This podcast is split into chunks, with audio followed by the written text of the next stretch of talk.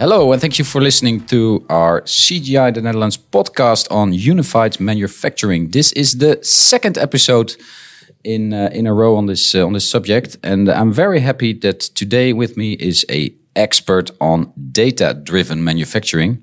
His name is Marcel Mourits. Marcel, welcome. Thank you for joining us. Hey Joost, happy to be here. Yes, awesome, awesome. Last week we, of course, talked with Koen Hoesman. He actually had a uh, question for you, so we'll come back to that later. But uh, again, to our listeners, thank you so much for listening. And uh, my name is Joost van Keulen. I'm Director of Communications of CGI in the Netherlands. And again, today it's about data driven manufacturing.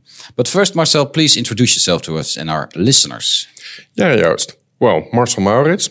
Uh, I joined CGI three and a half years ago uh, after I worked for about 20, 25 years in logistics, in manufacturing, and analytics. And I'm bringing it all, that all together now in Koen's team and our center of excellence of uh, manufacturing. All right. So uh, uh, manufacturing, it's it's a very well broad subject. Last week we discussed something with uh, with Koen already, uh, but your your specific expertise is on data. Yes. So the, the, all these new new factories, they are producing a lot of data, and then it all ends up in one big, well, how do you call it, a data lake or or whatever, and then you guys come in. What do you do with the data? Yeah. Well, we actually start before that. Ah. We start with what do you want to achieve with your manufacturing plant? You want to improve your import, uh, performance. You want to work more sustainable, use less energy, have a higher quality, higher first time right. And you need systems in order to do that. And in order to do that better and better and better, you need to use your data, analyze your data and become more data driven as we can talk about uh, explain more what that is uh, in order to really Im uh, improve your performance even further. And when you talk about performance, it's it's about efficiency. It's also about sustainability, I guess. Yep. Uh, Energy usage, yeah, waste. Right. Yeah. But it all starts with gathering the data and gathering the correct data. how do you do that? It's really interesting that you say the correct data. It's not just about collecting all the data that you have the value is sometimes in the data that you don't have. So if you want to improve, for example, the quality of, of a particular product, suppose you're brewing beer, uh, and the data that you have, like that, and and the data that you have is maybe the temperature or is uh, uh, the the viscosity or something like that. Then you can try to analyze that. But if you miss a particular ingredient or the humidity or uh, the, the humidity of the raw material that, that comes in the barley, then you will never find the solution if you use advanced analytics on your data. So it's not just collecting all the data, it's also finding out what data do I actually need to solve this problem and become better and that's that's where you guys come in i think because that actually requires that you know very well what the client is doing what is being produced how this process looks how the logistics looks. You really need to understand what's going on. Yeah yeah absolutely. Otherwise you run the risk of doing a lot of advanced analytics and then finding out some really trivial results that something like uh, a powder drying machine is more efficient if the outside air is drier that, yeah. that that's very obvious.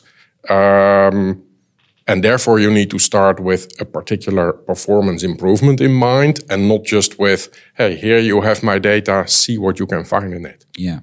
So, can you talk a little bit about data management? But because that's, I think, really, really important uh, as well. Absolutely, absolutely. As soon as you start using your data to build your decisions on, you need to be able, you need to know that you can rely on that data.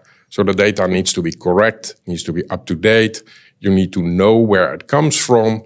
Uh, and you need, yeah, as I said, you need to rely on that. It's not whatever you have. It needs to be correct. And you need to be in control of that as an organization. So you need to have somebody who knows what data we are using, what the whole data pipeline is, how you get to that data, what processing you do, maybe what quality improvement you do on the data and you need to know who owns that data. So if you change something on the data, if you say uh, we change the definition of of maybe a certain report, your operational efficiency or so, say we change the definition a little bit. You it needs to be clear who makes that decision and how that influences the data that you use to calculate that. Yeah, I can imagine. Yeah. So when you, I mean, it's very complex, and data is a very again, even data within manufacturing is a very broad subject. But what do you think are are the cre crucial things for success when you start uh, working with these amounts of data in in a manufacturing uh, environment? Um, it may sound like an open door, but it is. Oh, the, I, I, never, I never mind kicking in open doors. I mean, it's ultimately, it's the people. The people, definitely, because what you need is the people that right now use their experience to make the best possible decisions. So, for example, we're working with a phone manufacturer, and uh, they have people who work there for 30 years, who have a notebook in their pocket who know if I make this product, this is the exact way how to set the machine. And if this problem occurs, I need to adapt in that and that way. And that works. Now, the challenging part is other professionals with 30 years experience have a different notebook and might have just slightly different notes how to, how to deal with the deviations. So what's the best way? But the real challenging part is if you say, hey, let's use systems to optimize this. Maybe use some AI, on, you know, learn from all the previous uh, ways you have made that foam, and then given advice on how to do that in an optimal way. You need to get these people on board. Yeah, and not only because they otherwise maybe might not like cooperate with the system or might not want to use it, but if they embrace it and they see the value for themselves and how it helps them, then they can also make it better. They yeah. can say, hey, you should also use this data in your machine learning model. You should use that because I use that. So you should try to use that as well. And that's the only way how you can actually make it work. Yeah. Yeah, yeah. So that's that's that's key, really. I can imagine because there's a lot of information and a lot of experience, which you also can name data, is in the minds of those people who are working in the factory on a daily basis. So uh, is it a big challenge to get them out of get the information out of their heads and their notebooks into these highly efficient and highly well uh, uh, high tech IT systems? Well, that depends on how you approach it. If you approach it from a corporate perspective, like this is what we're gonna do. We know everything. We collect the data, and uh, you, just listen to us. I, am exaggerating, but yeah, yeah. Th this sometimes happens. Then it's really difficult. But if you say, "Hey, can we work together to make this better?" Because maybe five years from now you go with retirement, and we still need to continue working this. How can we do this better? Yeah. And everybody likes contributing to becoming better. That's true. So it's all you need a lot of people skills as well then. Yeah. Yeah. All right. All right. And preferably baked into your approach. Not like, you know, technology people doing technology things and then some other people somewhere doing uh, change management like an afterthought. No, it should be part and parcel of your approach. And can you do that? This is your skill. Yeah. All right. So you're not only an IT guy, you're a politician as well. and, and and that's what you need. All right. That's really what you need. All right. Yeah. All right. Cool. So when you look to the future, um, uh, what do you see in your in your area of expertise? Wow, that's a broad question. I know. so it gives you all the opportunity to answer and pick up a subject you want to talk about. Well, there, there, there, there's a couple of interesting things, and one thing is that um, there's a there's one trend going on where big corporations with dozens of production sites say, "Hey, we have now one uniform ERP system." Order management system yeah. across our company, but we still have all these different MES system, manufacturing systems in all our different plants. Let's harmonize that. Let's, you know, bring that all on the same level, bring, professionalize it all, bring it all on a higher level. Uh, and that, that means we all get better, we can learn from each other, and we can roll out innovations much faster. Having said that, there's also a trend where there's cloud providers like Azure and AWS and Google that are developing environments and ecosystems with different manufacturing applications and solutions and apps that say, hey, you can also use our technology. Off the shelf. Or partly off the shelf, yeah, yeah, or bit hybrid, a little bit off the shelf, and a little bit you make it yourself. Yeah. So there's a lot of questions around there, like which direction do we go? If we choose an MES off the shelf, are we heading towards a dead end because later everything is in the cloud? Cloud is now sexy and, you know, or is an off the shelf application still a really good solution? And you maybe can add some things to that. Just the AI parts, for example, and run those in the cloud. That's a challenging field. And I see a lot of development in that area, in particular in the hybrid area. Yeah, I can imagine. But but in order for for this to work properly, I think you you need to go to industry, some sort of industry standards.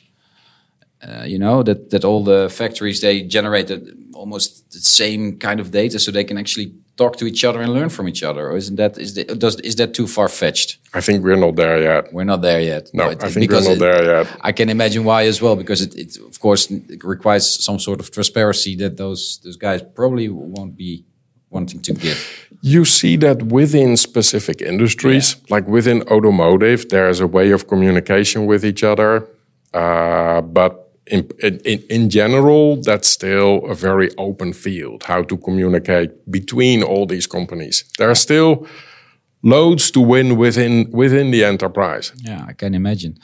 So um, um, we had a, we had this question from Koen. Um, you know oh. Koen, of course. Yeah, you, yeah, we had him last last week here. Uh, to, at least he said he knows you, so I presume you know him as well. No, yeah, just kidding. I know you guys work together. Happen to know him. Yeah. And he he actually left a question for you, and we're going to play that now yeah, I talk to him on a almost daily basis, so I have many questions for him. But I uh, I hope he will he will answer the question uh, whether data-driven manufacturing is only about the data, or whether there's actually a lot more around it. Uh, and I think he will uh, give a good answer to that. I think it was a great question uh, uh, by Koen. It's not just about the data, but it's also about a lot of other stuff. Uh, we already mentioned the people, but I can imagine there's more. Yeah, it's data, it's people, uh, but it's also the processes. Sometimes you have to organize your processes in a different way. If you, um, because data collection is really important. Um, you have to organize your process in a way that you collect your data in a real time way. When companies are still working in a, in a more manual way, and there's a lot of companies who do that, then they run their process. That's the first priority. They run it, they run it safe, and then they go to an office somewhere and then they take notes like, what did we do this shift? And then there's no correlation or very little correlation between when something happened like how, how much did we produce or what was the temperature setting or and when you took note of that. And for being data driven that connection needs to be real time. So right now we're producing this and this is the temperature we're setting and this is the uh, and this is the speed at which we're producing. Yeah and and that's a fundamental difference in in your process i can imagine yeah that's that's so it's people it's process technology but also the organization part. You you create new roles in uh, in management of data. Uh, all of a sudden, that data is not something that you only use for reporting uh, uh in hindsight, but you actually use it to drive your process and your performance. Yeah. So that data has to be good. Yeah. And that's a whole new process. That's a new world. Yeah i can imagine. So the people who are now operating those machines will be uh, in a couple of years probably more skilled in data engineering and and data uh, collection uh, in order to work their current jobs really. Well you definitely need those skills. I don't know if all the operators will make that transition. I think for a lot of operators they will still be the operator but they will in addition be using that data and thinking about how can we actually do this job better they will be asking the questions like, hey, this went wrong. Why did that go wrong? Let's look at that. And then maybe work with a data analyst to become better again.